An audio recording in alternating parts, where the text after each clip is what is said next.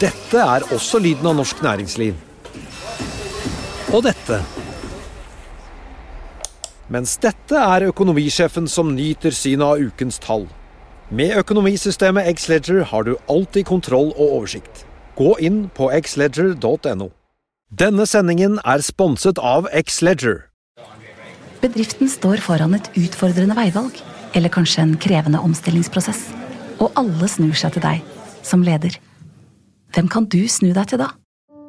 I Nordea vet vi at også ledere trenger noen å spørre. Og at de beste beslutningene tas på et grunnlag av kunnskap, erfaring og ekspertise. Som din bankpartner er vi her for deg med råd og veiledning. For alt fra ansvarlig vekst til viktige omstillingsvalg. Så når alle spør deg, da kan du spørre oss. Finn ut mer på nordea.no, din bankpartner. Da skal vi over til et annet veldig spennende tema. I dag har kronen vært på det svakeste nivået mot euroen noensinne. Vi var, hadde altså en euro i dag morges som kostet 10,31. 10,31, og nå har det liksom styrket seg til 10,27 eller noe sånt. Ja. Ja, men Hva- altså, ja. Hva kan vi si om utviklingen? Nei, vi kan, altså det der er i mine tall. Det jeg husker, så er det den svakeste kronekursen mot euro noen gang.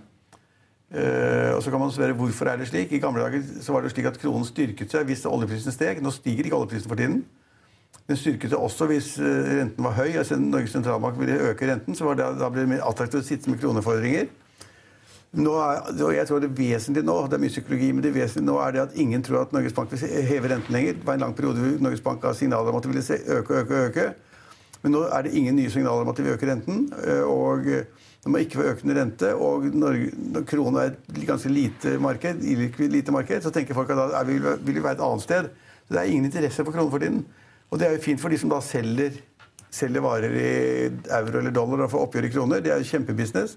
Så alle eksportbedriftene kan jo bare glede seg noe ganske kraftig nå. Og en gruppe som man ikke snakker noe særlig om, ikke her i hvert fall, det er at de som eier eksempel, hus eller hytter i utlandet, som har kjøpt, som har, de, og de prises i euro, og så får de oppgjør i kroner hvis de selger. Og det Men- blir det masse penger av. Men siden du, by, siden du sluttet i det resonnementet der, så kan jeg jo bare fortelle deg at det er 50 000 nordmenn som bor i Spania, Ja. og veldig mange av disse er pensjonister. Og vet du hva det betyr når kronen svekker seg for disse pensjonistene?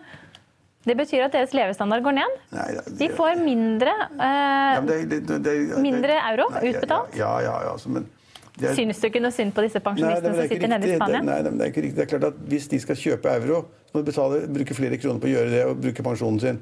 Men hvis de eier husene, hyttene sine, som veldig mange gjør, så får de et mye større kronebeløp hvis de selger der nede nå. Absolutt, men de aller fleste pensjonistene har vel ikke flyttet ned for å selge med det første? Nei, men det er mange som selger også. Det kommer kanskje Ja. nye. Jeg, jeg, jeg syns ikke det bildet er så entydig. Men- men Det er- da- det er ikke da kan vi fortsette. som alle som kjøper i utlandet og skal kjøpe da varer som prises i utenlandsk valuta, må bruke flere kroner. Ja. Det er dyrere i utlandet, er dyrere å ha ferie i utlandet.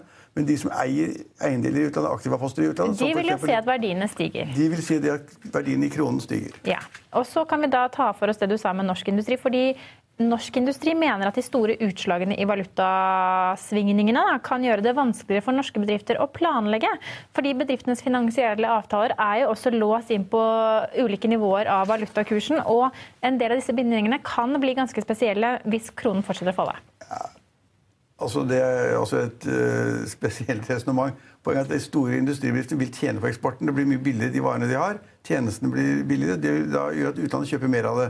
Det er bra. Og så de fleste selskapene som da driver litt stort i, i utlandet, og som da kjøper inn i utlandet, de har jo da sikret sine posisjoner, valutaposisjoner, så de har sikret på forhånd minst et halvt år i, for, for, i forveien hva de regner med å få, hva de må få for valutaen sin, eller, eller hva de skal betale for valutaen. Så det der er, det må alle kalkulere inn. Ja. så Men så er det sånn at vi kjøper en rekke Ja, underleveranser Trygve Hegnar, vi kjøper Ja. en rekke underleveranser fra utlandet inn i norsk industri, og det kan fort bli dyrt. Det men hvis de får mye mer betalt for varene sine, så er det noe helt annet. Altså Hvis industrien begynner, eksportindustrien begynner å klage på det, at, at alle deres varer blir billigere for utlendinger, det orker jeg nesten Nei, men han satt i hvert fall ikke og jublet over at euroen var var på rekord. Det var jo eh, Nå husker jeg ikke navnet hans. Var det Eh, Sunde? Det var, eh, det var sjefen for Norsk Industri, ja. Ja, Var det Sunde? Det, det kan jeg ikke huske utenat. Men, men jeg kom, skal komme med flere brannfakler her. for jeg er sikker på at du kommer til å trigge like mye på denne. her. Sjeføkonom Harald Magnus Andreassen mener at det er det grønne skiftet som sender den norske kronen ned.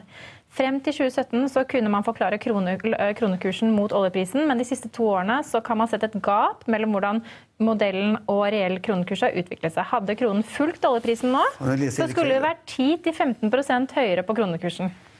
Ja, men Hans resonnement er det at eh, man tok stilling til ofte da verdien av oljeaksjer og, og, og så på oljeprisen. Men så sier han det at eh, folk i, verden har begynt å se litt, litt, sånn, litt mistenksomme øyne på da olje, olje og gass osv. At det ikke er så bra. Det grønne skiftet, at man ikke skal ha så mye olje og gass. Og at man da på en måte ikke må se isolert da på olje- og gassprisen, men må se på da oljeaksjene. Og folk har begynt å kvitte seg med oljeaksjer. Og da hvis oljeaksjene blir svakere, så skulle, sier han da at det tilsier en svakere krone. Ja, og det, det er forklaringen at du får en svak krone. Ja, jo, det, det er kanskje noe i det. Ikke helt umulig.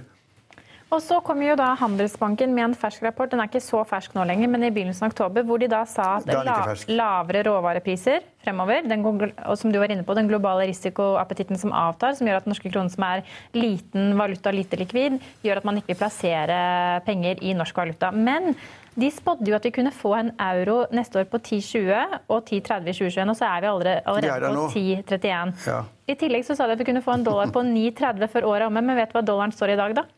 9,27. Eh, ja, den står i hvert fall i 9,20. Så vi er ikke langt 9,27. Ja, den var i hvert fall 9,20 når jeg gikk i studio, men ja, ja. den var kanskje 9,27 når du så på det. Men vi er jo ikke langt unna disse worst case scenarioene til Handelsbanken. Nei, for alle har bommet. Altså, alle har trodd på en altfor sterk krone. Det, alle har bommet. Eh, ikke 9 av 10, men 10 av 10 valutameglere og analytikere. Og rådgivere har bommet. Eh, de trodde kronen skulle bli sterkere. Det har den ikke blitt. Og dollarkursen har også blitt ganske sterk, og, og, og kronekursen har svekket seg. Så, eh, så, bildet er kjempekomplisert. og eh, hvis, hvis du spør meg, er det, hva er større sannsynlighet for at da kronekursen mot euro går fra 10,30 da, til 10,40 Kanskje ikke 10,50, det høres så vilt ut, men 10,30-10,40 kanskje. Enn at den kanskje skal styrke seg fra 10,30 til 9,60, 9,80 eller 9,90. Så er heller at kronen svekker seg en tid en til-tre år. Men ba, helt til slutt, Vi har jo snakket om det mange ganger, og du sa det nå. Alle har bommet, og alle fortsetter å bomme. Hvorfor klarer vi ikke å forklare utviklingen i norske kronen? Fordi eh, veldig mange trodde at sammenhengen mellom da, eh, kronekursen og oljeprisen var ganske sterk. Og så har oljeprisen da ikke gått som mange har trodd. Mange har trodd at oljeprisen skulle gå i 60-70-80 dollar per fat. Nå ligger den da på 61. Mange har bommet på oljeprisen, og altså bommet på kursen. Og så var det nok veldig mange som uh, trodde det at Norges Bank mente det de sa. Hvis vi går tilbake et halvt år eller et år, hvor de sa det at uh, det ble ganske mange renteøkninger fremover fordi at norsk økonomi var så sterk. Og plutselig så fant Norges Bank ut at det var ikke tilfellet likevel. Det var ikke, man måtte ta hensyn til at uh, verdensøkonomien ble svakere, og at veksten kunne bli lavere. Og at de utenforliggende tingene utenfor Norge faktisk liksom var litt skumle. Da trodde man ikke på at det var nødvendig da, å dempe aktiviteten i Norge ved å sette opp renten. Så Norges Bank har kanskje gitt litt gale signaler som folk har trodd på. Og så har man ikke helt forstått oljeprisen. Men for en eiendomsinvestor som eier eiendom i utlandet i euro, han sitter da og jubler over en eurokurs på 10,31? Hvis jeg skulle selge i dag, så ville det vært veldig bra for mitt salg, selvfølgelig. Ja. Det var hovedtrekkene. Vi skal videre til teknisk analyse av hovedindeks, brentolje og valuta. Denne sendingen er sponset av X-Leger. ACAST powers the world's best podcasts. Here's a show that we recommend. This is Roundabout Season 2, and we're back to share more stories from the road and the memories made along the way. We're talking rest stops, if we're stopping to get gas. You will be timed. you will be for sure. Misguided plans. I grew up in the city, so I have like, you know, a healthy fear of real extreme darkness. this was like wilderness. A lot of laughs. Y'all weird, but you, yeah, you, you were different. Like you were real different, bro. I can't really put my finger on it. And so much more.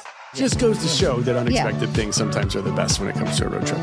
Roundabout Season 2, presented by Nissan, is live now with new episodes rolling out every Thursday. Listen and subscribe wherever you get your podcasts.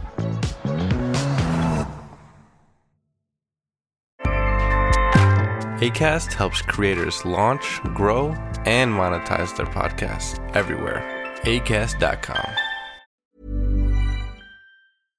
Økonominyhetene er en podkast fra Finansavisen. Programledere er Marius Lorentzen, Stein Ove Haugen og Benedikte Storm Bamvik. Produsenter er Lars Brenden Skram og Bashar Johar. Og ansvarlig redaktør er Trygve Hegnar.